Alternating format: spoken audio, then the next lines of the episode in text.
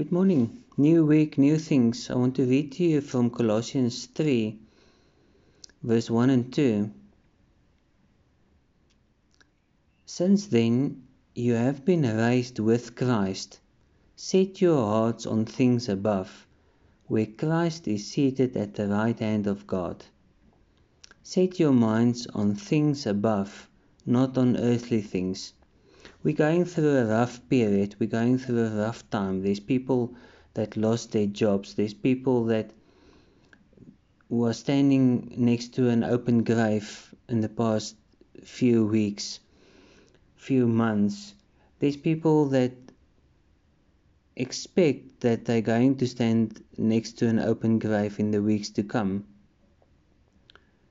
There's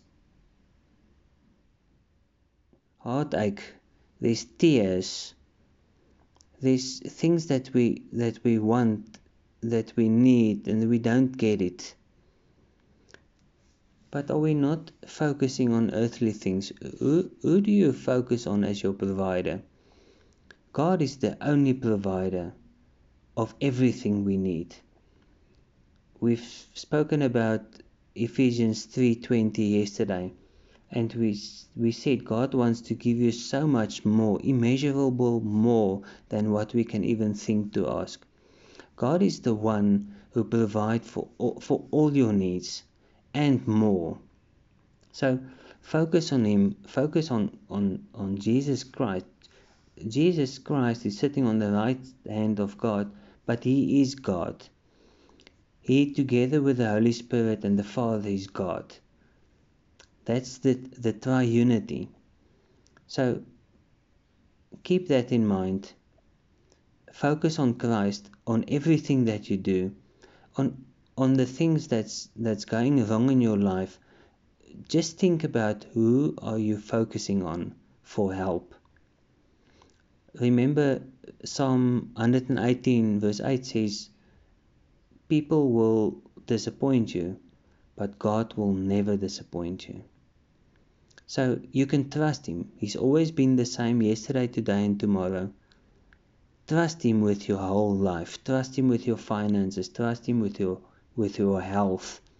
Trust Him with your relationships. Trust Him in everything. And have a fabulous week. Let's pray. Father, thank you so much for your amazing love.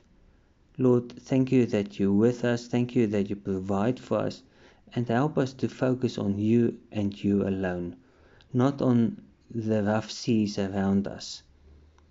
Because there will always be rough seas around us, and especially when things are starting to get in line with our relationship with with myself and your relationship then I experience more and more big waves Help me not to focus on that waves, but to focus on you only and you alone.